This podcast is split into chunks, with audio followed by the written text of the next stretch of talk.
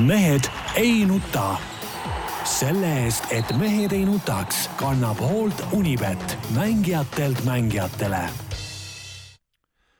tere kaunist teisipäeva, eetris on taas Mehed ei nuta ja kes näeb meid äh, ka otsepildis, siis äh, saab kohe aru, et natukene teistmoodi ülesehitusega see stuudio meil täna on, mis puudutab isikkoosseisu. kõigepealt äh, tervitab teid kindlasti Peep Pahv Delfist ja Eesti Päevalehest. tervist! siis tervitan teid äh, mina, Tarmo Paju Delfist ja siis tervitame me kusagilt äh, Mehhiko avarustest Jaan Martinsoni Delfist, Eesti Päevalehest ja igalt poolt ja nagu antud juhul näha, siis äh, Mehhikost ja ühtlasi ütleme kohe ära, et oleme tegemas vist oma saate ajalugu esimest korda meie ajaloos oleme eetris öösel kell kolm, sest täpselt see on see kell, mis Jaanil hetkel Mehhikos on no tere, tere ja ma ei tea, mida sa mõtlesid selle ilusa ilma all. ilus ilm on meil siin kolmkümmend kraadi. eile õhtul, kui lennukiga Mexico City'sse maandusin ja, ja astusin nagu sauna niimoodi põmm ja, ja tõesti võttis kohe, kohe särgid märjaks ja, ja, ja nii on, et, et asun siis äh, varsti nii nelja tunni pärast Leoni poole teel, et vaadata mis toimub Mehhiko rallil ja siis kõike seda ka Delfi ja Eesti Päevalehe lugejatele edasi anda. Äh, no äh, esiteks ma ei rääkinud muidugi kaunist teisipäeva ilma mõttes Eestis, sest ilma mõttes oh. ei ole Eestis ilmselt kolmesaja kuue, kolmesaja kuuekümne viie päeva jooksul väga palju neid, mis kaunid oleks. aga teisipäev iseenesest on kaunis lihtsalt kas või sellepärast, et meie saade on eetris. oota, ma nüüd, Tarmo, mingit pessimismi siin Eesti ilma suhtes nüüd küll ei ei tahaks jagada, sest üld, valdavalt on Eesti ilm ikkagi nagu suurepärane. et äh, okei okay,, siin need talvekuud osaliselt on küll kehvad, aga see kuu on olnud äh, väga, väga palju äh,, okei okay,, nüüd siin märtsi alguses äh,, veebruari lõpus on väga palju niisuguseid ilusaid päevi minu arust, et äh, siin ilmal pole häda midagi äh, ilma juurde muidugi väga pikalt ei tahaks pidama jääda, aga minu arust huvitavam osa Jaani Äh, Mexico City's viibimise juures on see, et tegemist on teadupärast ka ju kõrgemal asuva kohaga, nii et äh, Jaan peaks sealt tagasi tulema ikkagi korraliku superkompensatsiooni efektiga tippvormis tippvormis. jah, aga teine asi on, mul on siin ikkagi väga ohutu olla. kui Eestis on ikkagi endiselt juba, no küll ma ei tea, mitu päeva siin, kümme koroonaviiruse haiget, nad kõik kuskil seal ravivad ennast, siis äh, Mehhiko peale sada viiskümmend miljonit inimest ehk siis äh, Äh, sada korda rohkem kui Eestis ja siin on ainult kolm koroonaviiruse juhtu. seitse juhtu on üldse olnud ja neli inimest on terveks saanud. ja tegelikult vot minu jaoks on väga huvitav küsimus, kas need Eesti inimesed siis terveks ei saa, isegi see esimene vend, kes siin mingi juba paar nädalat tagasi haigeks jäi. see vist sai terveks, oli mingi jutt? no küll nad saavad, miks nad ei saa, ma saan aru, et siin äh, oli siin äh, juttu siin, siin ju meil hommikulgi mingis seltskonnas, kes haigestus, aga, aga nüüd peaks juba enam-vähem okei okay olema. no jaa, aga seda igal juhul sinna ametlikku kaarti pandud ei ole, ei tea, kas siis meie ametnikud nagu jälle eh, nokivad nina selle asemel, et tööga tegeleda. no tegelikult eh, ma lihtsalt eh, informatsiooniks ütlen, ega ametlikku kaarti kui sellist ei olegi olemas, et ongi erinevad väljaanded ja erinevad asutused on teinud mingid kaardid kus on, äh, sõltuvalt siis konkreetsest kaardist, kas on peal ainult need, kes on äh, haigestunud või ka need, kes on terveks saanud, et et selles mõttes ei ole meie terviseametnikele siin praegu midagi vaja ette heita. aga Jaan, räägi parem seda, kuidas, kuidas lennukis nagu tundus, ütleme, kui keegi aevastas või köhis, kas kõik nagu tõmbasid kuidagi äh, kaitseasendisse kohe või? Ei huvitav, seal nagu aevastamist ja köhimist üldse, üldse nagu ei kostunud, ju, ju inimesed ei julgenud siis. sest lennuks ikka, tuleb köha peale vahest ju tead, õhk on teistsugune ja nii edasi no,. ja ei, aga ilmselt kõik inimesed hoidsid seda kuidagi tagasi või siis köhisid kuidagi varrukasse või ma ei tea, taskurätti või, aga igal juhul kosta ei olnud, aga, aga taaskord äh, tuli see äh, aja relatiivsus tuli sellel kaheteisttunnisel reisil ikkagi välja äh,, et et sa, sa lendad, sa lendad, sa oled neli tundi lennanud juba. Ja siis sa vaatad kella, möödunud ainu-, ainult kolmveerand tundi. Isegi sul, kuidas, isegi sul, kes sa mis jama, mis jamaga sa tegeled, sest niimoodi seda kella sõidu ajal arvestad, mina niisugust asja mitte kunagi ei tee, mina ei, kui lendan, siis ma arvestan ikka seda lennuaega, et millal ma kohale jõuan ja üldjuhul enamus aja loomulikult magan maha, kas sa tegid ikka korraliku tropi ka, kui, kui istusid lennukisse ja, ja silma kinni lasid või? Ei, aga vaata, me lendasime ääretult lollil ajal. meil oli ju see, et, et ma lendasin pärastlõunal välja, no sa ei jää ju keset lõunasööki, pärast lõunasööki ei jää ju magama. loomulikult jääd. tähendab, põhimõtteliselt magama jäämine on niimoodi, et kui praegu heidaksin siia äh, põrandale pikali, siis ma arvan, mingi viie kuni kümne minuti pärast magaks igal juhul, mingit küsimust ei ole. ja, aga küll ma jõudsin muidugi raamatu, ühe, ühe raamatu lennukis läbi lugeda ja alustasin teist raamatut ka, nii et soovitan, Null punkt on väga hea raamat. no seda veidram, et Köidab isegi, isegi lugedes sul aeg kuidagi nii aeglaselt läheb, et et see on müstika, aga, aga läheme nendelt Jaani ja Peebu personaalsetelt kiiksudelt nüüd ei, ei, oota, oota, spordimaailma ja, juurde. ja, ja et Tarmo tuletas seda kiiksu meelde meile eile, kui ma just äh, vormistasin endale Argentiina lennupileteid äh, ja, ja, ja tuli seal jutuks, Tarmo oli ka seal, seal parajasti laua juures äh, Jaan, kas sa oled ka niimoodi, et kui sa istud ikkagi lennukisse, onju, siis lennukis on teadupärast alguses jube palav, onju, siis sa keerad selle tuule endale ja. kohe ju, ju näkku, eks ole, tead noh. no, no vot mina ei saa keerata, vot mul, mul ongi see pagana külmetushaigused tulevad väga väga jõuliselt kallale, et ma seda tuult ei saa nagu näkku keerata no,. aga ma võtan noh.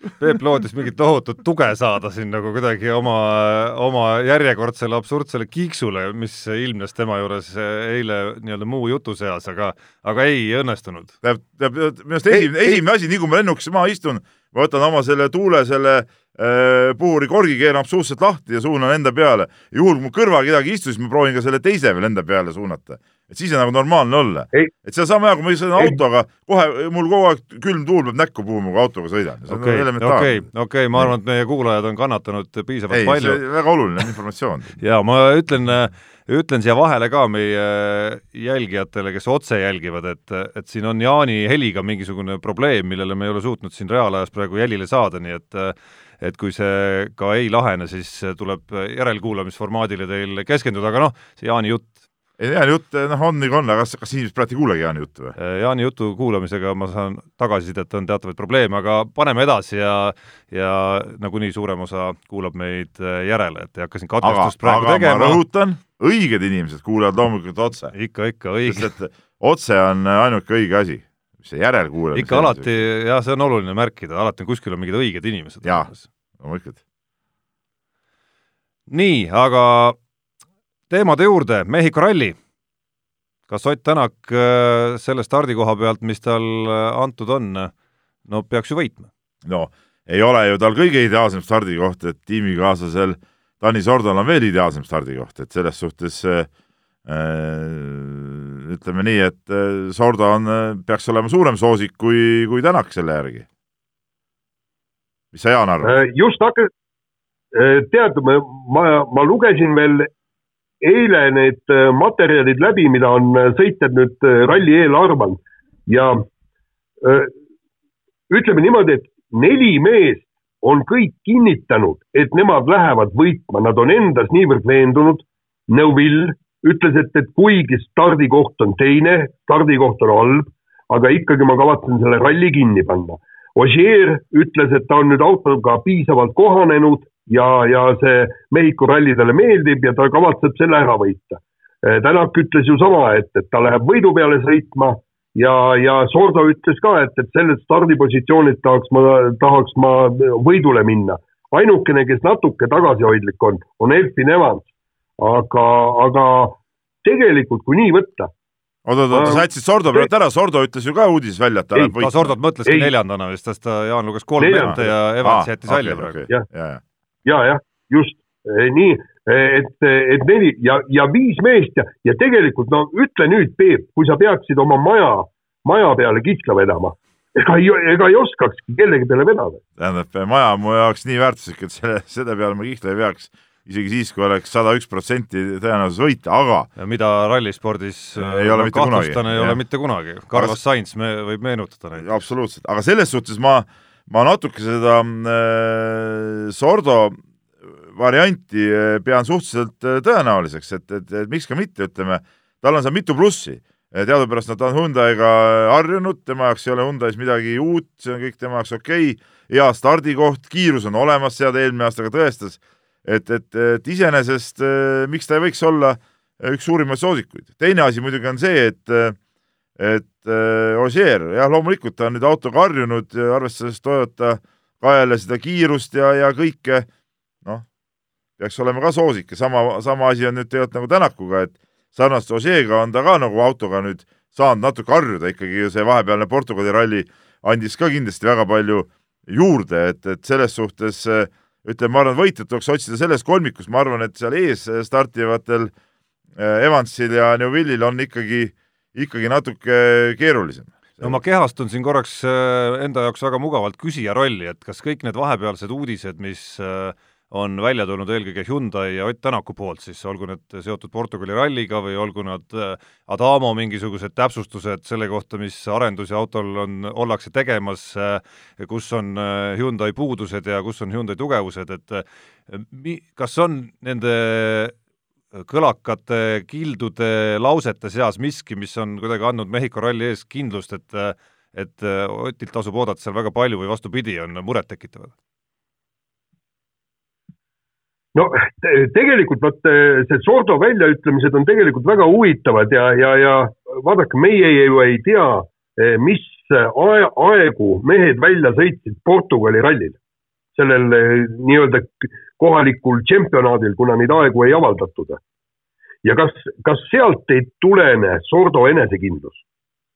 kas ta, kas ta alistas Tänaku, sest ma kogu aeg ikkagi mõtlen see, et, et eh, Tänak oli ju Rootsis sellesama Hyundai'ga, oli teine eks ta, ta sõitis hästi, ta äh, võitis äh, Neuvilli, no oli tõesti tegija, et, äh, et kuidas saaks Sordo, neil on stardikohtade vahe on üks mees on vahel ainult, Sordo Tänak, et no kuidas see Tänak üle sõidetakse? nojah, aga seal on muidugi, mis Portugali puudutab äh,, tuletan meelde, et mehed sõitsid erinevate äh, autodega just, et mis puudutab aerodünaamilisi neid tiibasid ja vidinaid seal küljes. et siin nagu täpset võrdlust teha tegelikult on äh, võimatu. no teine asi, äh, kas Ordo lausetest nüüd ülemäära palju välja lugeda oleks veider, äh, vastupidine variant, ma saan aru, mida sa ootaks, Jaan, oleks siis, et Sordo räägiks enne rallit, et et ma lähen teist kohta püüdma, et Otile ma vastu ei saa, aga ülejäänusid ma võin võita. no see oleks ka imelik no., see oleks imelik, kui niisugust juttu hakkaks ajama. ei no miks mitte, noh teil on ju üks tiim, Sordo ju võitleb tegelikult, Sordo ju võitleb meeskondliku tšempionaadi nimel. aga sa arvad, et Sordo, kas sa arvad, et Sordol ei lasta võita või? no ütleme niimoodi, kui on sekundite mäng Ott Tänakuga või Thierry Neville'iga, siis ma arvan, et ei lasta. ei no Neville'iga võrdluses kindlasti arvan, ei lasta, sest Neville on ikkagi ju sisuliselt MM-sarja liider, noh, ütleme võrdsete punktidega. no ega see Ott nüüd ka väga kaugel, aga no, hetkel vahed on paarikümne punktised seal siiski kahe ralli peal ainult. aga selgelt Sordol isiklikus plaanis on võimatu tulla maailmameistriks, sest ta ei sõida enamike rallisid kaasagi. enamik on muidugi ka vale sõna. no okei okay,, osasid siis. aga noh, eh, kõik muutub eh, sellest, kui Toyotad sinna kuskile vahele tulevad ja, ja, ja see ongi nagu äh, ebahuvitav oleks ju, kui see kolm Hyundai'd hakkaksid seal omavahel seal pusserdama või tegema, et see, kui Toyotad sinna vahele tulevad, see see muudab selle mängu teistsuguseks ja siis on neid tiimi taktikaid seal ka raskem äh, korraldada.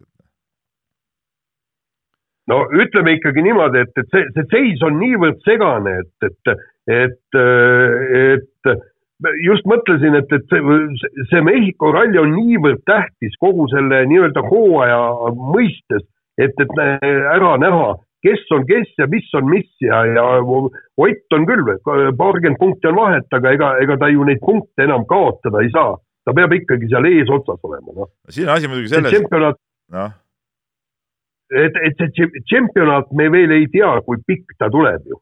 me ei tea ju, koroonaviirus siin kuradi ma levib ja, ja kõik muud niisugused asjad seda küll, Jaan, jah, aga siin on kaks asja muidugi, et esiteks see hooaeg on nii noor, kaks etappi on sõidetud vahed on väiksed ja, ja, ja ütleme, see seis ongi seepärast pingeline. teiseks ma ütlen, Mehhiko ralli minu arust ei ole just see ralli, mis näitab ära, kes on kes ja mis on mis, sest et see eh, kuulub veel nende kolme esimese eh, nii-öelda spetsiifiliste rallide hulka, mis ei anna, ütleme, nende hooaja põhirallide suhtes veel mitte mingisugust selget pilti.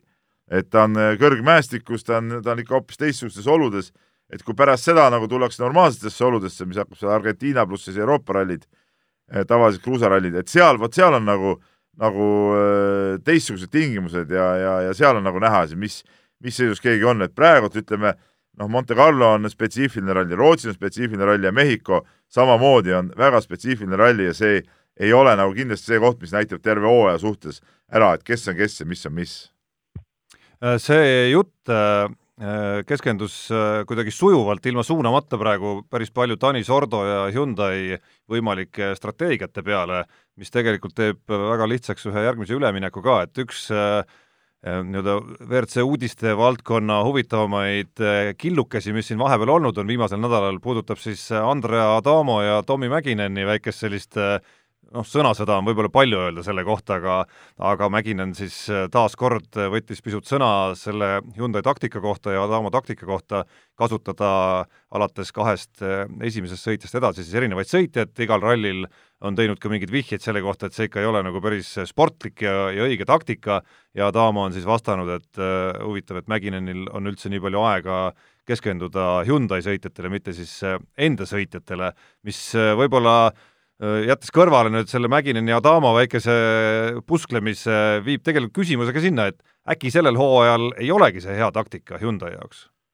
aga mis ta seekord peaks olema kehvem taktika kui eelmisel hooajal näiteks? no juba sellepärast, et äkki Sebastian Loeb ei vea välja. no jaa, aga siis ongi alati võimalus ju äh, panna sõitma äh, seal Sordo rohkem ja, ja, ja või, või kedagi veel proovida. no see on mitme otsaga asi, noh et äh, selge on see, et nad tahavad hoida seda võimalust, et see üks mees saaks tagantpoolt alati tulla ja, ja, ja saaks seal ees vett segada, noh et, et et see on üks, üks selle asja pointe ja ja siiamaani see on toiminud ja, ja ma arvan, miks ta ei peaks edaspidi toimima. no selle, siin taktikamängus me saame kohe näha, kas see taktika on hea või mitte, siis kui äh, kui äh, Sordo selle ralli läbi sõidab ja vaatame, kus ta on, kui ta on Toyotadest eespool, siis noh siis on taktika õigustanud enne. aga, aga kui ei ole eespool, siis ei ole õigustanud või? noh, kõik sõltub, kui ta puhta sõiduga ikkagi noh, võib-olla kogemust vähe või noh, kogemust äh, tal on palju, aga võib-olla käsi ei ole nii soojas või no just ma ei tea. Portugali rallit ju.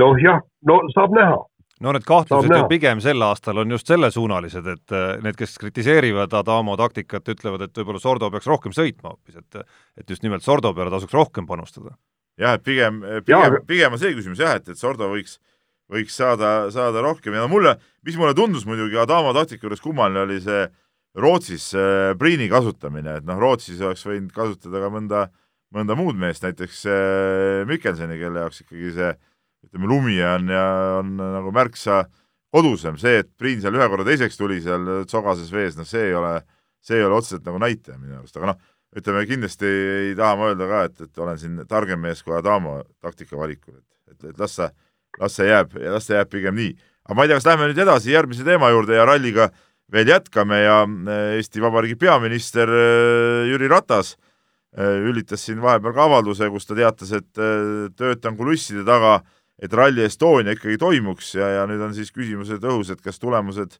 et kus on tulemused ja, ja kus on arengud. no minu Need, need on minu... vist kirjutanud, Tarmo on siia kirjutanud, et jaa, no minu küsimus olekski ja. esimene küsimus, ma arvan, ja ma arvan, et äh, mitte ainult minul, vaid äh, meie kõikidel kuulajatel ka, et Rally Estonia teemal äh, alates sellest hetkest, kui eelmisel nädalal teisipäeval ja kolmapäeval oli see teema väga kõvasti avalikkuse ees, tegelikult on selline viis, neli-viis päeva suhtelist vaikust olnud avalikkuse ees vähemalt. sellele vaikusele on ka päris selge põhjendus. ja et küsimus, ma jõuan küsimuseni, eh, kus sa saadki sellest selgitusest rääkida, et kas kulisside taga on midagi nagu päriselt ka toimumas veel või tegelikult on see teema lõpetatud?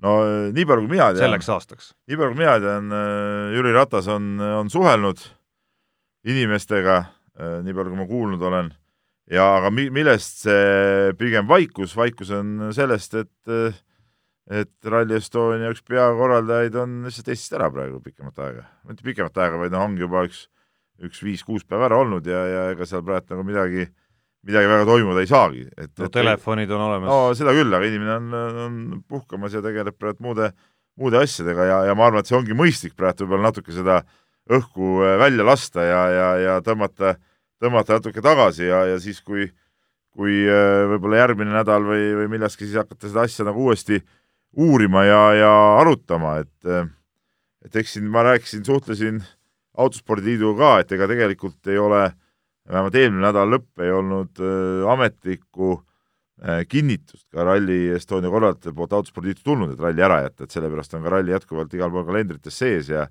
ja, ja, ja vot ma nüüd ei tea, mis, kas eile oli mingeid arenguid, et, et ei ole eile saanud sellega tegeleda. aga, aga eks üks otsustavaid hetki tuleb ka, selge see, et sellise kujul see rallist tuleb nagunii ei tule, et, et kui see tuleb mingi, mingi, mingi muu variant, aga et mis see tähendab Eesti, muu variant? no mingisugune, et, et et nagu, nagu leebem variant, noh, et ta ei tule nii suur, suurejooneline, noh, see on, see on nagu selge, et on, liiga palju on seda auru juba maha võetud. et ta tuleb nagu niisugune lihtsam, kui ta üldse tuleb. kuigi samas, selle ärajätmine oleks nagu vale, siis on Läti meistrivõistluse etapp, Eesti meistrivõistluse etapp, mis on nagu, mis on nagu tegelikult nagu palju valusamad küsimused, kui nad ära jäävad, et kalender on nii, niigi nagu on, et talvirall, talveralli teed ju ära ja ja, ja see kalender on ju üsna õhuke, kui nüüd suvel ka veel üks ralli ära jääb, noh siis siis see tsempionaadid muutuvad nagu selliseks naljanumbriks, et see seda võib-olla, võib-olla on isegi vähe, vähe välja toodud. aga, aga oluline muidugi see, et kui tuleb see autospordiliidu üldkogu uus, eks ole, et, et, et mis seal nagu saama hakkab, et see on, see on üks huvitavamaid küsimusi ja, ja, ja ma arvan, et siin nagu uudiseid mingitel hetkedel üldse kogu selle teema kohta on, on veel tulemas küll nagu. et ah. nagu ma, Peep, saan aru, et, et sa, sa tead natukene rohkem ehk, aga, aga sa ei saa ka kõike rääkida ilmselt. no alati on ju nii, et ega kõike alati ei saa rääkida nii, aga võib-olla, võib-olla on see sobiv koht sellele teemale hetkel ka joon alla tõmmata ja, ja jääme neid äh, arenguid ja tulemusi ootama, eriti kui Jüri Ratas ikkagi asja kallal ka juba on. ja ma rõhutan, Jüri on tore mees.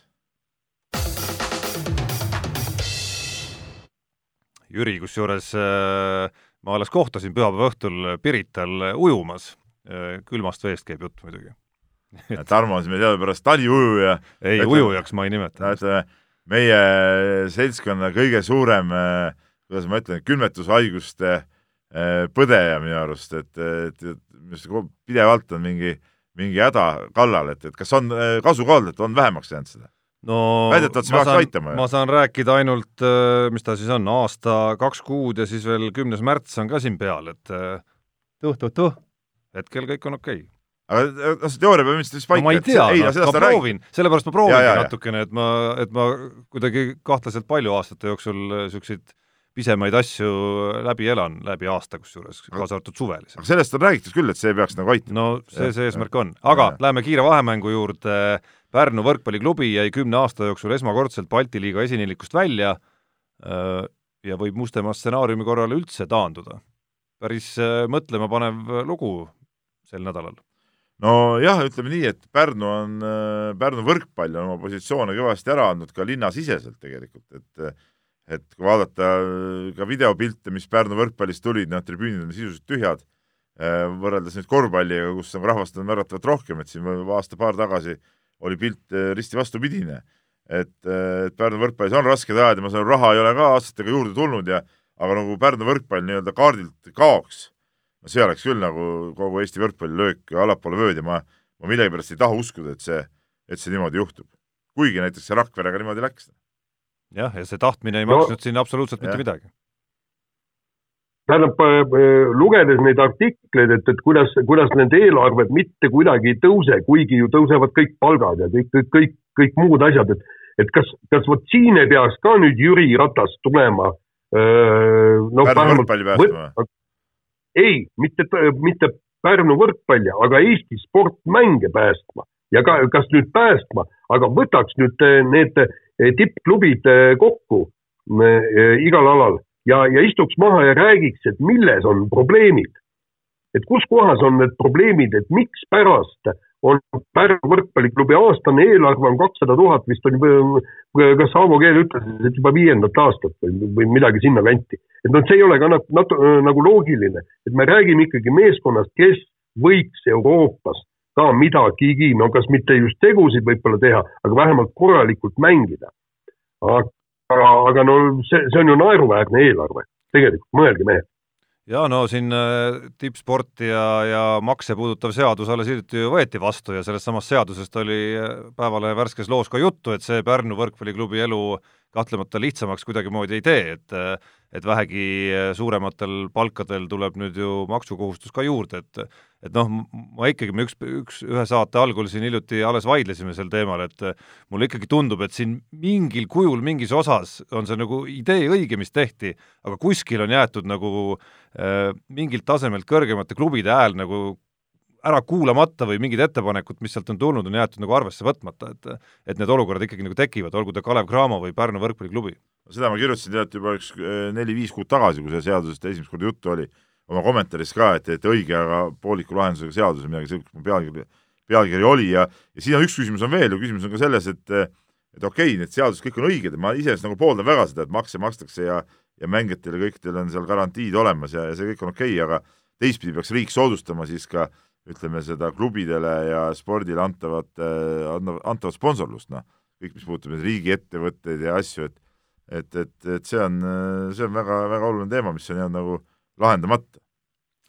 nii, aga noh, tahtsid Jaan öelda midagi? ei, ma tahtsin, ma tahtsin veel selle teema lõpetuseks öelda, et, et siin ju tuleb ikkagi jälgida seda, et, et nende klubide olemasolu ongi ju selle tegelikult keti nagu nii-öelda viimane osa, sellepärast et, et kui meil seal Pärnus näiteks tõesti võrkpall, võrkpall meistriliiga tasemel ära kaoks, lapsed ei tuleks enam võrkpallitrenni et mikspärast ma peaksin tulema, kui meil ei ole satsi, mul ei ole nagu väljundit. et just selle Pärnu võrkpalliklubi kaudu ju lähevadki öö, tulevikus väljamaale, et endale korralikku pappi teenida ja selle nimel nad ju treenivadki, et, et võita medaleid. see no. klubi kaob ära ja kaob võrkpall ka ära, nagu kunagi kadus korvpall ära aastaid, aastaid, aastaid tagasi. Nii, aga lähme järgmise teema juurde ja eile tuli üllatav uudis korvpalli Eesti esiliigast, et eh, vaata, kas tulevad ka põnevad uudised. Kadrina Karut siis ütleme vahepeal esiliiga komeet, eh, pärast seda, kui palkas Aivar Kuusma peatreeneriks, võitis üksteist mängu järjest, kui ma õieti mäletan. nüüd on saanud kaks kaotust ja tohho pime, vaat kus ime, Aivar Kuusmaga lõpetati koheselt koostöö. vot niimoodi käivad asjad Eesti esiliigas, Peep tasub ettevaatlik olla. ei, mul on, mul on ka see hooaeg kaks kaotust eh, teises liigas, ülejäänud on kõik võidud no, aga teises liigas võib-olla natuke leebem võib-olla seal, võib seal lubatakse kolm kaotust ja. saada, jah. et ega täpselt ei tea ja, ja ega ma ei julge väga siin klubi juhi nagu palge ette nagu minnagi üldse võib-olla. Noh.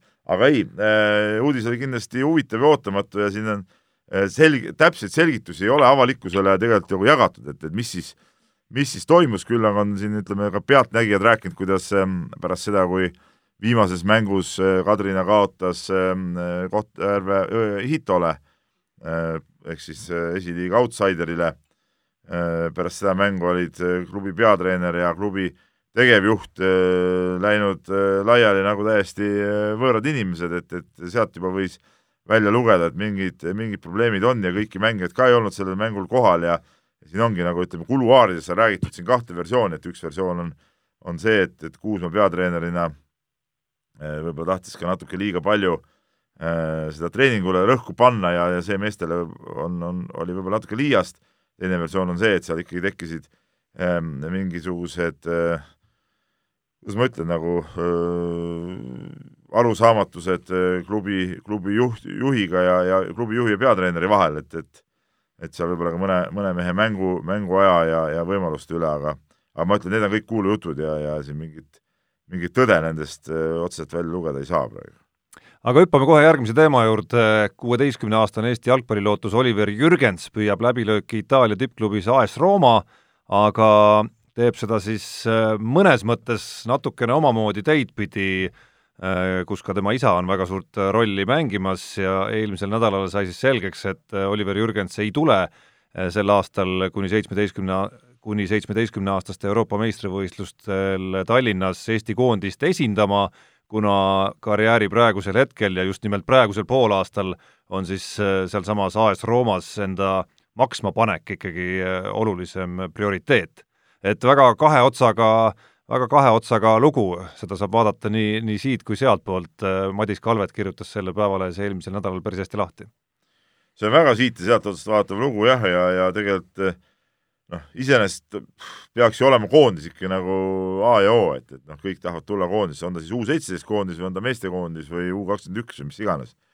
aga, aga teisalt jälle, kui tõesti ütleme, jalg on seal noh, AS Rooma on tippklubi, sa tippklubi mingis süsteemis on jalg sul seal ukse vahel, siis on ka selge, et, et, et tuleks ka sealt panustada, et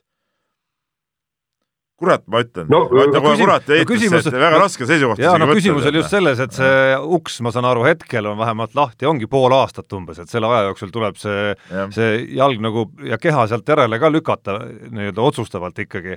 aga noh, teisalt äh, äh, see on nüüd see pooleaastane aken, kus tundub nagu eriti mõistlik võib-olla see otsus, teisalt me teame, et siin nagu taust on ju pikem ikkagi, et, et see ei ole esimene kord, kui ta nüüd koondisest eemale jääb ja seal mingisugustest tülidest on räägitud teise selle koondise tähtmängijaga ja nii edasi nii edasi, mille kohta Aivar Pohlak on öeldud, et isegi tema ei suuda neid lahendada, et et, et see jutt ei ole ikkagi ainult sellest poolest aastast ja, ja, ja siis, kui võtta seda arvesse, siis jälle nagu ei, ei tahaks kuidagi nagu takka jällegi kiita sellele, et, et üks asi, mida ma näiteks äh, imetlen praegu siis oma lemmikalal äh,, kuulasin siin nädalavahetusel, oli autoga sõitmist rohkem, kuulasin näiteks äh, Kalev Kruusi äh, intervjuud Henri Trelliga ja üks asi, mis nendest noortest ülestulijatest õhkub ja üsna, üsna üsna kuidagi valdavalt ikkagi on see, et, et nad nagu koondise esindamine on äh, nagu päris oluline nende jaoks. Vähemalt meeste tasemel küll, tõsi, noorteklassis me näeme ka teistsuguseid arenguid. jaa, kui ma nüüd õieti mäletan, siis kas mitte Henri Trell ise polnud see mees, kes U kakskümmend koondist eelmisel suvel loobus? jah, et noh, noored ongi teine lugu ja tegelikult samasugune case ja. oli. pidi harjutama siis kuskil väga spetsiaalselt ja. mingi konkreetse sihiga äh, ja nii edasi nii edasi, pärast seda, kui ta oli käinud seal kusagil NBA drafti eelsetes laagrites. et selles vanuses nendes koondistes kipub see ikkagi üsna tavapärane olema. no paraku küll, jaa. teine, teine no, ja räägi, räägi, Jaan. jaa, ei, jaa, ei ma tahtsin just seda öelda, et, et vaata selle noortekoondisega ju on nii ja noh, väidetavalt ma ei mäleta, kas Kalvet selle, seda loos ka kirjutas, aga see, et et selle Eesti U seitseteist koondises ei pruugi see Oliver Jürgens eriti hea välja näha Äh, sellepärast, et, et äh, noh, vaadake kas või Eesti täiskasvanute koondise mänge.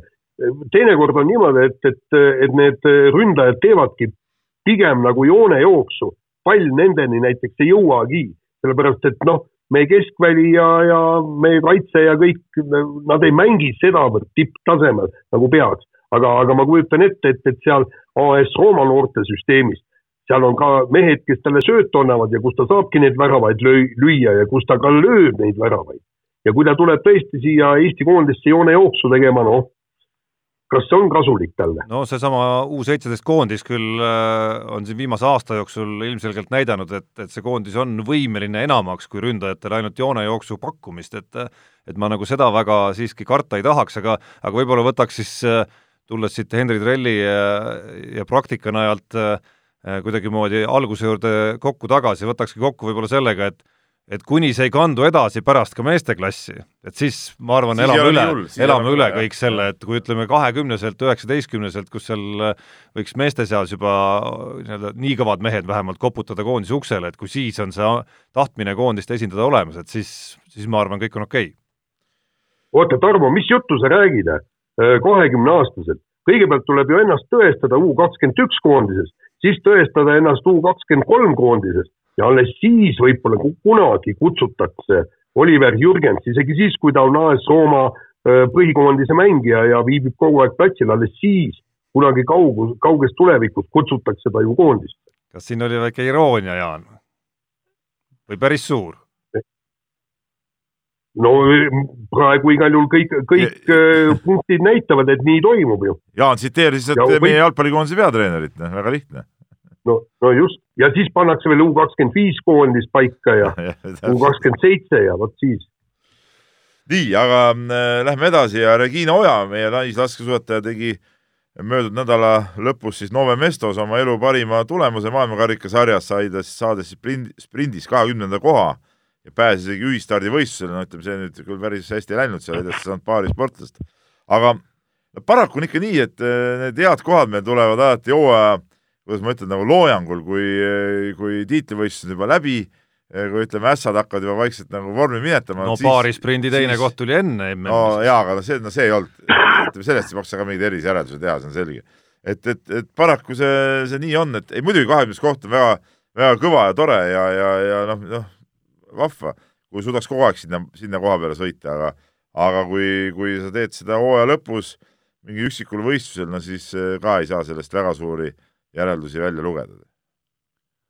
no seal ongi kahetsusväärne see, et, et me, meil on ju asi nii, et me sõi-, me sõidame järjekindlalt kohtadele nelikümmend kuni kuuskümmend kuni seitsekümmend ja siis üks niisugune päikesekiir ja me saame kahekümnenda koha tegelikult võiks olla sõita kogu aeg kahekümne, kolmekümne sisse ja päikesekiir olla niimoodi poodiumi lähedal. no nii peakski olema tegelikult, nii peakski olema, seda Just. me olemegi ammu oodanud, aga paraku, noh paraku tundub, et see tase ikkagi ei ole päris see, mida me ootame ja et no mis see siin maksab, see raiumine, et nii peab olema lihtsalt, et noh. peab olema, noh no,. peab olema, no ei ole, no ja väga individuaalsed põhjused, nagu näha, ma ütleksin ikkagi, pluss mõned süsteemsed põhjused sinna juurde, millest me siin varasemates saadetes oleme rääkinud. vähemalt selle Regina Oja näol saab öelda, et, et nagu midagi jäi näppude vahele, et tema is isiklikus plaanis on siiski mingi arengu teinud sellel aastal no tegelikult ma seda arenguks küll ei julge nagu pidada. no ma julgeks küll, kui statistikaga siin appi võtta tema puhul individuaalselt? ma ei tea, kas MM-il sai äh,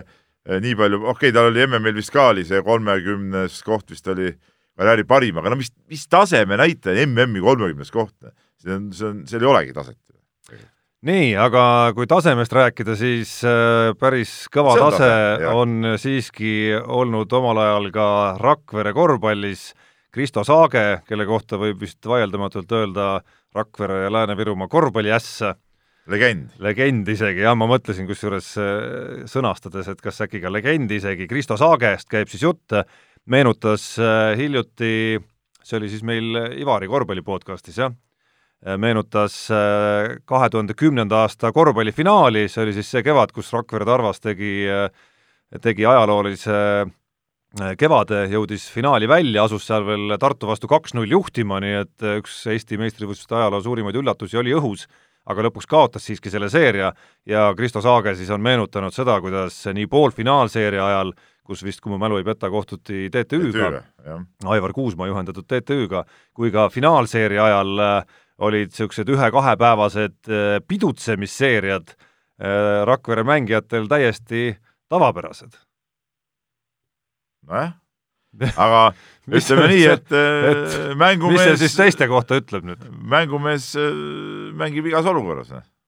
nii on. no teisalt me ei saa kunagi teada, et kui äkki oleks režiimi hoitud, siis äh, oleks Rakvere Tarvas äh, kusagil lippumas Kasten Arenal ka see ajalooline tiitel, lipukesed, karikad ja nii edasi. aga me ei tea ka seda, et kui näiteks Martin Müürsepp oma valutavate jalgadega poleks vahepeal lõõgastanud, kas ta üldse oleks mängida saanud? Et see lõõgastus ja lõdvestus äkki aitasidki selle kaasa, et ta suutis üldse platsile minna. no saabki nüüd kahtepidi vaadata, et kas äh, Andres Sõber, kes on tuntud ikkagi sellise üsna ütleme, karmikäelise mehena, oleme temast tehtud dokumentaalfilmi kõik näinud ja need tiraadid on äh, kujunenud klassikaks, et äh, kas see oligi nagu kaval strateegia variant A, B on siis see, et ta lihtsalt vaatas läbi näppude ja teadis, et see on lihtsalt vajalik nendele meestele, või C, et ikkagi isegi tema käed jäid lühikeseks no pigem ma arvan, et ei, küll ta teadis, noh, et, et küll ta teadis ja ega seal midagi teha ei olnud, ütleme, et eks see seltskond oli, oli selline, nagu tal oli ja ja, ja imet nad nagunii korda saatsid juba ja, ja ja noh, eks see Saagede ja, ja nende meeste, ütleme, see elukäik on ka üsna värvikas olnud, nii et siin nagu midagi väga imestada ei ole. eks need lood olid ju varem ka teada tegelikult Jaan, tahad sa lisada veel sellel teemal midagi oma elukogemuse pealt? No ütleme niimoodi, et no mis ma, mis ma ikka oskan lisada, kui kui sul hästi läheb või lähed võitma, võtad õlle, võtad kaks, noh, tuleb kolmas, noh, vot järgmisse päeva ma tavaliselt oma pidu ei vea, aga noh, niisugused kolm-neli-viis õlut võib ikka ära lasta hea mängu peale.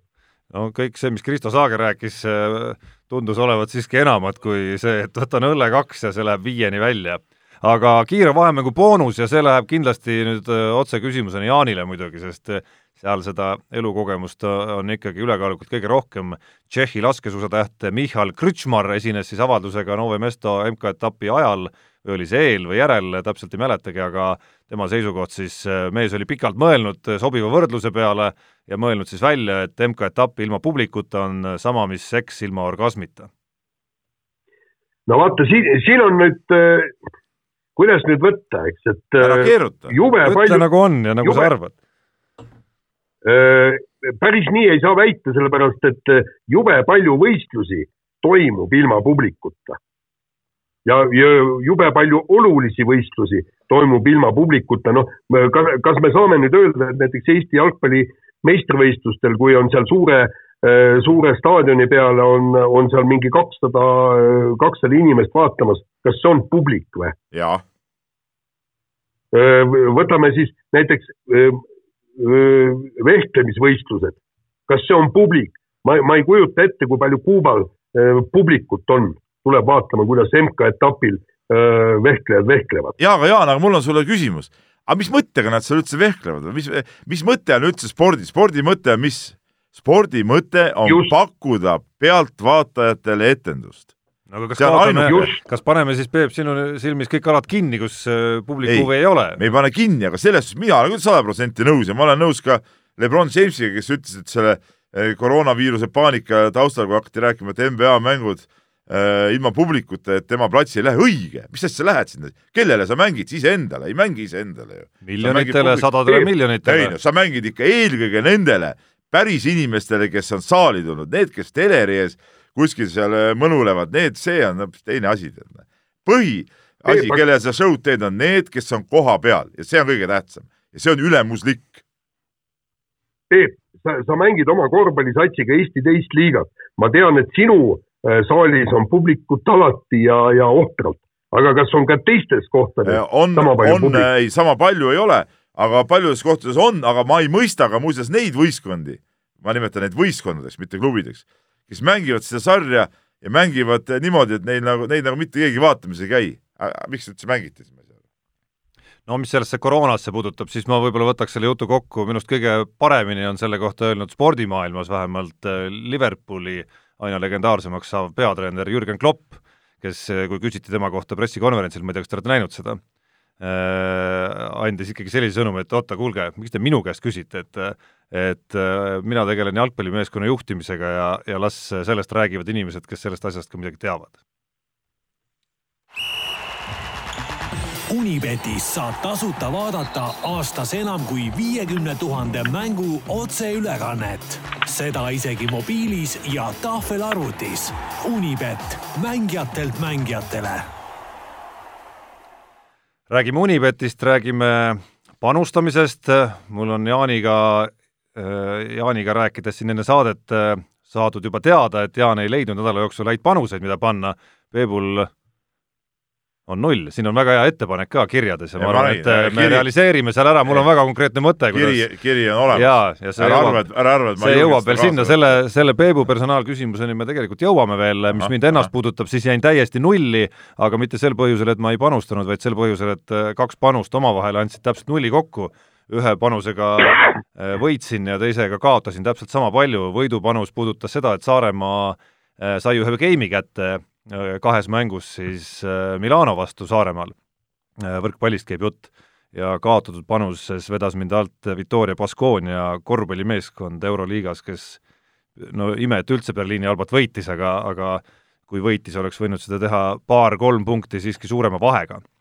ehk siis äh, sellel rindel hetkel muutusteta, küll aga on huvitav rinne see, mis puudutab selle nädala eripanuseid, kus äh, Äh, pea, peatähelepanu saab enda kätte ralli, Mehhiko ralli on siis tulekul ja Mehed ei nuta sektsioonis. Unibetis on võimalik leida natukene rohkem panuseid kui, kui automoto sektsioonis ja spetsiaalselt on siis äh, olemas seal koefitsiendid. Äh, Ott Tänaku nii-öelda individuaalses võrdluses kõigi kolme oma põhikonkurendiga, ehk siis Sebastian Ogier'ga, Terrine Villi ja Elfin Evansiga.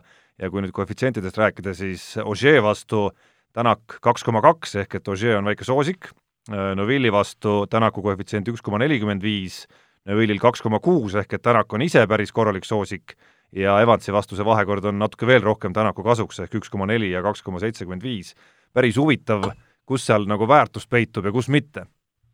jaa, on noh, ütle oma ekspertarvamus siis. ei, ma, ma Tänak kaks koma kaks, et võidab Ožeed. jah, see on hea pakkumine, sest et Ožee, ma ütlesin, et on võib-olla soosikum. aga ma mõtlen just vastupidi, Tänaku peale kahe koma kahega võiks nagu Aa, panustada. täitsa nagu kaaluda, või? või pigem, ma ei tea, ma seda panust ei paneks üldse. Mul on oma, ma ei taha siin välja öelda, kuna ma mängin seda WRC ennustusmängu seal ühes pundis, mul on oma e, e, tabel nagu klaar, ma ei taha seda siin praegu avalikustada, tead. Noh. mis sellest juhtub siis? no konkurendid saavad teada, meil on oma, oma divisjon seal, nad kindlasti kuulavad. aga sa võid hoopis vett segada siis? ei no ma, mis vett segada, mina, ma räägin nii, nagu asjad on. nii, Jaan, kuidas sinu tunded? No ei, seal midagi tuleks panna jah, vot äh, tegelikult ühest, millest me ei ole rääkinud, on see, et, et Toyota vastupidavus, eks ju. et, äh, et eelmisel aastal ikkagi väikseid probleeme oli ja, ja, ja no vot see, see jah, Tanako Ogier, see on, see on üsna, üsna niisugune mahlane pakkumine, aga, aga see, et, et Evansi vastu on ikkagi natukene väikese. ei, mis mahlane, kaks koma kaks, üks panus pole üldse mõtet panna, sellega ei teeni midagi. alla viie ei ole mõtet üldse panna panuseid.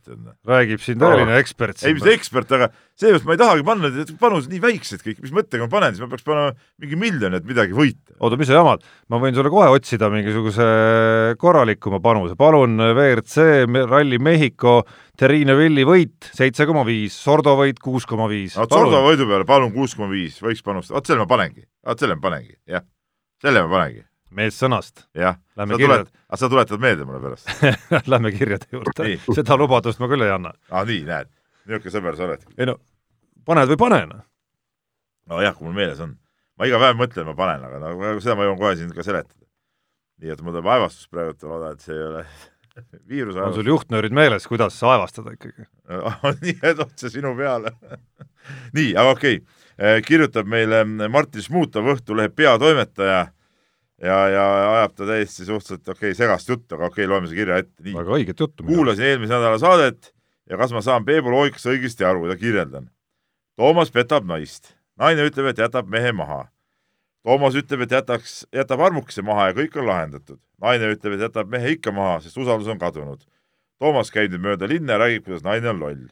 Peep on Toomasega nõus, jube naine ikka et, äh, et küsimus pole niivõrd selles, et, et äh, kes mida tegi või kuidas parandas, vaid nii tööl kui ka äris tuginevad suhted ja koostööd sageli usaldusel ja kui seda pole, siis ei saagi edasi minna. ma ole, oletan, et teilgi on mõne töötajaga nii olnud või, või selle, sellelaadseid kogemusi, et miks siis paar pitsi ei aidanud, usaldust pole ja ongi lõpp.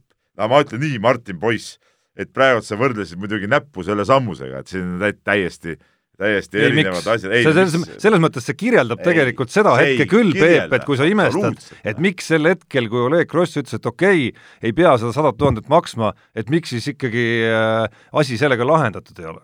seda see kirjeldab no, väga, see paralleel väga hästi, et suhe on ikkagi rikutud, noh. no mis rikutud, aga asi tuleb edasi ajada. et on asju, mida ei saa võib-olla parandada. see ei ole selline asi, mida ei saa parandada. kust sa tead? seda ma ütlengi, et, et, et Smutov äh, võrdles praegu näppu äh, selle sammusega, noh et nii ongi, noh, et täitsa erinevast maailmast ja, ja siin ei ole mõtet niisugust eh, umbluud ja demagoogilist eh, soga, ütleme, nagu üldse nagu esile tõsta. nii ongi. no mina ütleks, mina ütleksin kõrval niimoodi, et kui mees läheb sealt kõrvalt kuskilt noolima, kes siis selles süüdi on? sest pange tähele, tark naine ei lase mitte kunagi meest kodust välja näljasena või tiirasena.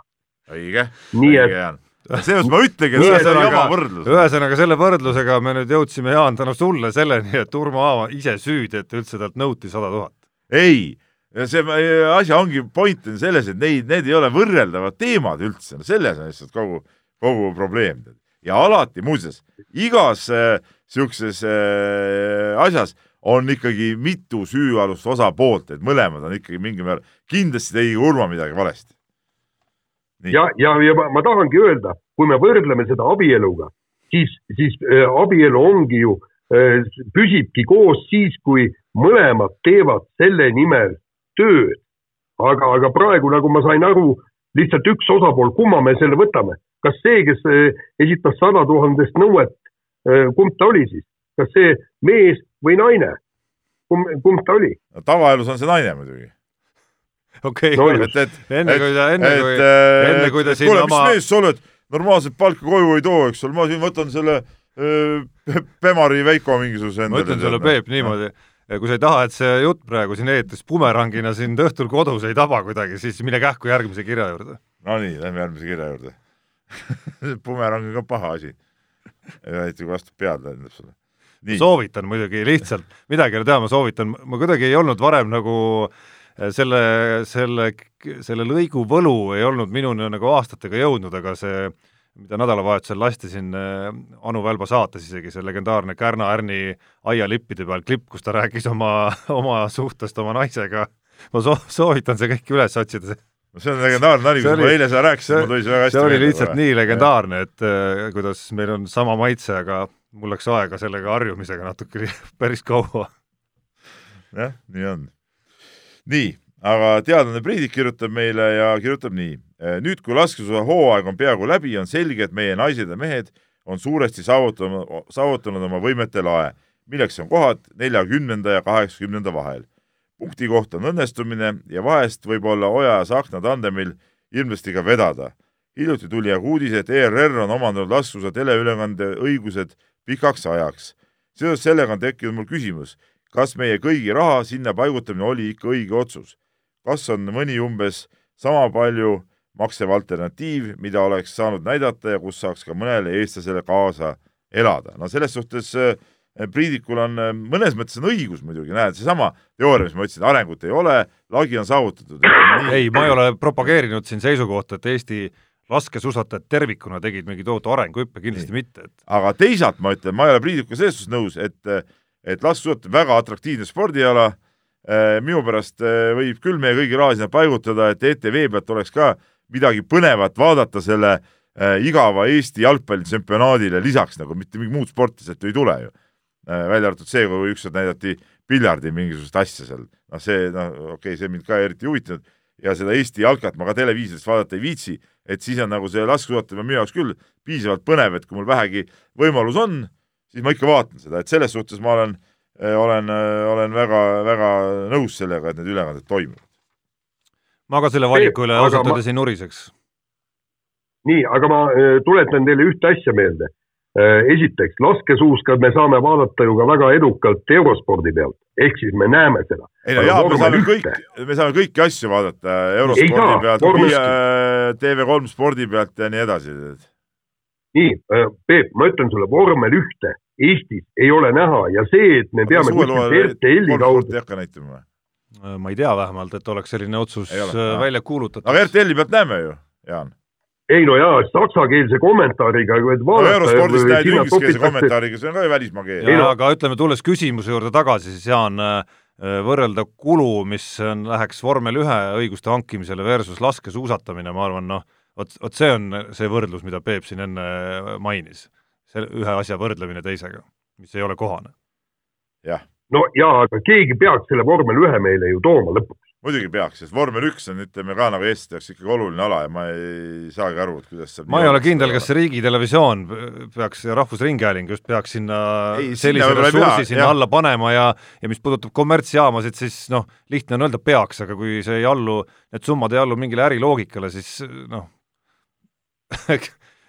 kuidas sa tood neid, kui ei allu? küll, aga ma toon, tõmban tagataskust välja vana plaadi, pistan sisse ja ütlen, et Riigitelevisiooni asi on näidata olümpiamänge riigitelevisioonis, et see asi tuleks nüüd äh, Rivo Saarna ja, ja mehed seal, äh, Anvar Sammastid ja kes te seal otsustate neid asju, kuulge, tehke see asi korda nüüd, noh, okei okay,, seekord veel on jama, eks ole, aga edaspidi olgu ikka seal kanalis, kus kõik inimesed seda näevad ja olümpia on, on olümpia.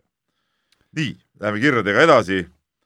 Eero kirjutab siin, kirjutab siin Tarmost ja kuna vahepeal on paar nädalat olnud kiire aeg, siis tahaks tulla tagasi paari nädala taguse saate juurde nimelt imestasite, millega see Tarmo küll presidendi vastuvõtu kutse ära teenis. mul on oma teooria, usun üsna kindlalt, et see on seotud naisevõtuga. usun, et president seda eh, pool patuelu lihtsalt ei tolereerinud ja oli selles, selle üheks kriteeriumiks seadnud. ei tea, kas Tarmole jõudis see info kuidagi kohale ja ta otsustas hakata korralikuks pereinimeseks, et teenida kauaoodatud kutset. no Tarmo, oli siis nii või? Äh, kui nüüd täitsa ausalt rääkida, päriselt kusjuures siis äh, see on üks nali, mida me omavahel oleme tegelikult äh, teinud küll, et ju see, ju see naisevõtt ikka nii-öelda noh, mitte nii-öelda otsese seosena, aga kuidagi läbi universumi ikkagi need asjad nagu nii käisid ka, jah. aga ma arvan seda, et siin naine tahtis jälle ennast uhkena tunda jälle ikkagi ja, ja suunata, et kuule, näed, võtsid mu ära, eks ole, ja, ja nüüd said igale poole seda, teist ja kolmandat ja head asja, tead, noh. noh, see on nii tüüpiline naiste käitumine. Ah, Peep. aga ei olnud nii huvitav, huvitav, mis kogemused sul ikka elus on, ma ei, ei tea, peaks mingi. muidu, minul on alati väga head kogemused, ma nagu lähtun sellest, mis siit-sealt nagu kuulda on. aa, okei okay., no vähemalt sa suutsid praegu kuidagi nagu kiirelt eh, kuidagi nagu parandada ennast, aga mul on tunne, et see ei päästa sind täna õhtul. Õnneks, õnneks mul naine keeldub saadet kuulamast. no küll tal, küll tal on neid, kes, kes kuulavad. nii, aga mm, Georg Johannes on siin äh, ka võtnud mingisuguse äh, sõnavõtu ette ja, ja, ja, ja ma ütlen, et okei okay,, ma siis loen selle ette, et ega ma ei ole mingi nõrk vend, kes kardab ette lugeda seda. kiri on selline, Peepu peaks kuidagi karistama selle eest, et ta lihtsalt ei panusta. liiatigi mõnda aega tagasi oli tema see, kes ütles, et eripanusele tuleks kindlasti panust teha. muidugi tuleks teha ärge tehke mu äh, tegude järgi, vaid tehke, tegutsege mu sõnade järgi. ma arvan, et see reegel saab meil, Peep, olema tegelikult selles mõttes lihtne, et äh, esikoha arvestusse, see on natuke sama, mis äh, kihlveokontorite tüüpiline reegel on, kui nad teevad mingeid eri nii-öelda mingeid kampaaniaid näiteks, annavad seal mänguraha juurde ja nii edasi, siis see, et seda kätte saada, pead sa olema mingis mahus ikkagi panustanud noh, sama on, et ütleme, vähemalt seesama kolmsada tuleb korra mängu panna ikkagi selleks, et aasta lõpus kvalifitseerida, kvalifitseeruda üldarvestuses, väga lihtne. ei no kui me kokkuvõttes mängu paneme, noh probleem on tegelikult selles, et mul sul on lihtsalt mäluprobleemid. mul on mäluprobleemid, reaalselt see ongi nii. ütleme nädala jooksul ma üks kolm-neli korda vähemalt mõtlen selle peale, et peaks minema ja panema siis selle pagana panuse ära ja, ja ütleme sekund hiljem kui ma seda kohe ei tee ja tavaliselt ma siis seda kohe ei tee, see mõte tuleb tavaliselt mingil uithetkel, siis on mul meelest läinud. ja nii ongi lihtsalt. Tauri Tallermaa minu teada on üks inimene Eestis, Peep, kes siin, äh, tegeleb selliste probleemidega oi,. oi-oi, aga ma praegu vaatan, et kell on juba sealmaal ja me pole veel kirjandusrubriigist edasi jõudnud. Tauri Tallermaast me rohkem edasi ei räägida, aga tore mees, tervitame no üks teema meil on kindlasti, millest aga, tahaks äh, aga lähme nüüd teemade juurde. tahaks ülejäänud punktide osas rääkida ja see on Eesti Olümpiakomitee lähenevad presidendivalimised ja asi on minemas äh, kuumaks, Urmas Sõõrumaa on saanud viimasel ajal natukene meediapilti, Tõnu Tõniste on saanud meediapilti ja, ja nüüd on äh, tundumas, et, et nad kavatsevad äh, vähemalt avalikkuses üsna palju ka nagu teravuste peale minna, et Urmas Sõõrumaa värskem seisukoht on siis see, et äh, et tema arvates jätab Tõniste kandideerimine nats mageda mulje, kui ta kaks korda on juba kaotanud, ma saan aru, et tegelikult on ühe korra kaotanud. minu arust ka, ma ei mäletanud, et millal see eelmine kaotus oli siis Sõõrumaa teab paremini. aga no okei okay.. aga noh, niisugune üsna üleolev lause ikkagi. aga selles suhtes ta kaks korda olümpial on kaotanud, et ta pole kulda võitnud. aa, no siis on üks oli hõbe ja üks oli pronks. no tal on rohkem kaotusi kindlasti ütleme kõik regatid, kus ta kunagi ei võitnud, on ta kaotanud. no seda küll, jah. aga ei, no ütleme, ootame huviga seda ja rohkem tahaks muidugi nagu sisulisemaid asju selles debatis kuulata kui seda, et, et kas on mage uuesti kandideerida või mitte, aga teine asi muidugi Äh, ka siin rääkisin ühe, ühe vana sõbraga täna sel teemal ka ja ja, ja siin on nagu huvitav on, on muidugi ka see, kuidas tegelikult nad on ju ühe, äh, mõnes mõttes ühe pundi äh, mehed, eks ole, nad mõlemad olid ju, üks oli praegu president, teine oli asepresident ja ajasid nagu ühte asja ja kuidas siis nüüd järsku on need vaated täitsa risti vastupidised ja nii erinevad, eks. et, et, et kogu aeg oli võimalik asepresidendina ju teha neid kõiki asju et asjad läheks paremaks, mitte ju kaasa äh, öelda, et see, mis president teeb, on väga hea ja, ja kõik on nagu, nagu uhke, et, et kui tahetakse mingeid muutusi, et siin nagu, nagu teatud niisugused nüansid nagu sees muidugi on. no aga teine küsimus on kogu selle asja juures, kui palju äh, Urmas Sõõrumaa üldse laseb ennast mõjutada, sest, sest tema ju kordab siiamaani, mäletate, oli uue aasta paiku tuli see Äh, Postimehes oli tal arvamuslugu, kus ta rääkis kõike täpselt sedasama, mis ta nüüd neli aastat tagasi või siis, kui ta presidendiks sai, täpselt sama juttu rääkis, et peab tegema seda, peab tegema seda, peab tegema seda, kõik nii, eks. et ühesõnaga äh, Sõõrumaa ei ole ju selles mõttes äh, absoluutselt muutunud. teine asi ähm,, kui, kui me räägime näiteks äh, Tõnu Tõnistest, siis tema on ju tippspordijuht ja tema on tippspordikomisjoni juht ja nagu ma olen kuulnud, on see tippspordikomisjon äh, saanud paika ja teeb väga tänuväärset ja, ja asjalikku ja korralikku tööd. küll aga teised komisjonid, äh, kas nad töötavad sama hästi? Äh, Urmas Sõõrumaa on need paika pannud, aga kas ta ka kontrollib, et kõik need, kõik need arengukomisjonid ja, ja mis, mis seal on. igas naljakomisjoni moodustati vahepeal ju tead, see läks üle igasuguse no piiri, jah no üks teema minu arust, jaa, no üks teema minu arust, kus see Peebu äh, üles visatud küsimus minu arust ka ei kehti, et justkui nagu üks tiim, aga aga et miks sa nüüd lähed ütlema siin midagi selle kohta, mida sa oleks saanud neli aastat kuidagi koos ka ära teha, minu arust dopingu teema ja mul on tunne, et see saab nende olümpiakomitee presidendivalimiste juures olema kindlasti üks debattides, kui palju neid tuleb, ma täpselt ei tea, aga saab kindlasti olema üks päris huvitav punkt ja, ja, ja seal mul on tunne, et see tiimi asi ei kehti, et siin Urmas Sõõrumaa on ikkagi nende aastate jooksul omajagu soleerinud ikkagi oma seisukohtadega, kuni siis selleni välja, et äh, viskas siin hiljuti üles, see oli vist Kalev Kruusi äh, podcastis siis äh, väga mitmetähendusliku lause, mida me siin saates ka natukene kajastasime, kus siis äh, teatas, et, äh, et needsamad kõige suuremad võitlejad, et mis te arvate, et kas need on siis nagu puhtad, jättes siis segaseks ja, ja imelik, et tegelikult keegi ei olegi tänaseni küsinud, et keda ta siis mõtles, kas Gerd Kanterit või Erki Noolt või Tõnu Tõnistet ennast või et ma arvan, et see on see teema, mis hakkab äh, elama siin nende debattide jooksul selgelt oma elu, kus, kus ma arvan, nende kahe kandidaadi Äh, seisukohad on ikkagi väga erinevad. ja see, ja see, mida, mitte ainult seisukohad, vaid, vaid ka see, äh, mida üks või teine on väljendanud aastate jooksul, aastate jooksul dopingu teemal. ma olen nõus sellega, et äh, see teema võib üles tulla, aga see teema kindlasti ei otsusta presidendivalimiste tulemusi. kuigi see on Presi oluline. see on oluline, muidugi on oluline ja, ja ma olen nõus, et Sõõrumaa jutt on olnud sel teemal täiesti, täiesti kummaline vahepeal ja, ja, ja Tõniste seevastu, ütleme, on väga adekvaatselt ja, ja, ja äh, minu arust asjades ja. Äh, rääkinud ja olnud, aga aga ma ütlen veel kord, see ei ole see, mille järgi hakkavad alaliidud ja olümpiakomitee liikmed hääletama, kindlasti see ei ole see. et kind-, lõpuks taandub kõik ainult ühele asjale, see on raha, raha ja veel kord raha, et, et kes mida, kellele kui palju lubab, mis perspektiivi äh, välja antakse just selles, kuidas alaliidu rahastamise, sportlaste rahastamine, see on see teema mille pealt äh, valitakse.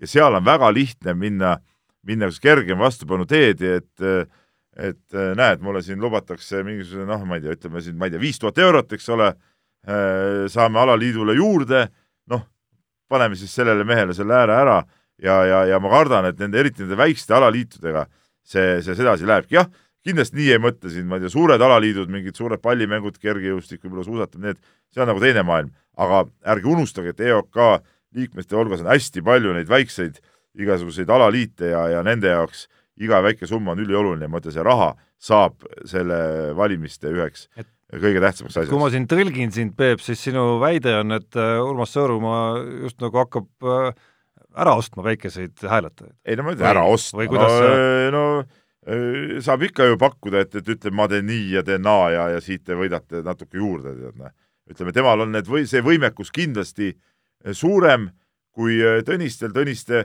võib-olla proovib tegeleda rohkem niisuguste sisuliste eh, küsimustega selles valimisvõitluses, aga nüüd ongi see, et, et kas need sisulised küsimused ütleme, suudavad selle üle mängida, selle ütleme niimoodi, selle nagu materiaalse poole nagu. mina arvan, et see läheb niimoodi. ma, ma olen täiesti Peebuga sada protsenti nõus ja, ja ma, tahaks tegelikult neid debatte näha aga ma ei ole kindel, et Urmas Sõõrumaa ja äh, Tõniste saavad kuskil äh, publiku ees kokku või, või siis kurja küsija ees kokku. Ja teine asi, ma veel kord rõhutan, eks ma tahan näha neid äh, nii-öelda arengukavasid ja, ja, ja Tõnu Tõnistelt tahangi ka seda küsida, kust tuleb raha, kust tuleb raha, mis on tegelikult Eesti spordis puudu? Ja, ja kuidas näiteks kasvõi see, kuidas te lahendate selle äh, spordiklubide asja? Äh, see, kui, kui Pärnu võrkpalliklubi ütleb, et äh, uksed tuleb kinni panna ja, ja Kalev Cramo ütleb, et rihma tuleb koomale tõmmata see on küsimus, mis tuleb lahendada ja mis, mis on ääretult oluline Eesti spordi suhtes ja publikule ja kõikidele väga, väga tähtis küsimus. seda ei pea mitte ainult Tõniste vastama, seda peavad ikka mõlemad vastama loomulikult sellele küsimusele. ja ei, aga, aga ma miskipärast kardan, et Sõõrumaa ei tule ei, ei debattidele ega ei tee ka arengukava, vaid tuleb ei, jälle ja ütleb mehed. muidugi, ta ei teinud ka eelmine kord arengukava või seda oma ei, programmi, programmi nagu ei teinud otseselt. no samas debattidele on ta Just. siiski, eelmisel korral ja. käis ta ikkagi täiesti ja. korralikult ja kohusetundlikult, et ma isegi äh, vedasin ühte debatti, see toimus äh, Solaris või Apollos või kuskil seal, ma ei mäletagi enam, et, et äh, olid, olid nad kõik kolmekesi olemas. ja meie toimetuseski olid nad olemas, kui Ivar no, vedas debatti. jah, noh, jah, jah, jah. Nii, kas äh, mul on vägisi tunne, et me oleme siin äh, lõhki omadega? me oleme lõhki, me ei pea rohkem kell on kaksteist null viis, me võtame lihtsalt mütsi maha BC Kalev Cramo korvpallimeeskonna ees, kes sai VTB liigas äh, ülitähtsa võidu nädalavahetusel äh, Astana üle. Ja ma usun, et võtame ka mütsi maha või võib-olla ei võta ka, see on pikem teema natukene, kas äh, Robert Tähe ees võtta müts maha, kes äh, plaanib ikkagi teha otsustava sammu Perugiast ära tulla, et äh, et mujal hetkel käivad kõlakad Poola ümber, saada rohkem mänguaega? no siin on see asi, et Itaaliast tuleks nagunii saba selges minema joosta praegu, et, et ega siin aga noh, teisalt jälle võib ka nii öelda, et ei löönud ikkagi tippklubis läbi, et siin on nagu mitme, mitme nurga pealt võib vaadata, mis on õige ja vale, eks see võib, peame mõni teinekord siin lahkama just, nii et äh, Jaan, sina, ma saan aru, suundud varsti mille peale, lennuki peale? lennuki peale, jah, just. Soovime sulle edu, äh, võiduga tagasitulekut ja ja seda vägevat tippvormi, mille sa seal äh, kõrgemas õhus kätte siis saad. täname kõiki, kes kuulasid, vaatasid, Jaani kõik ei kuulnud, aga viisteist minutit läheb ja järelkuulamises on see kõik kohe saadaval. mehed ei nuta. saate tõi sinuni Unibet, mängijatelt mängijatele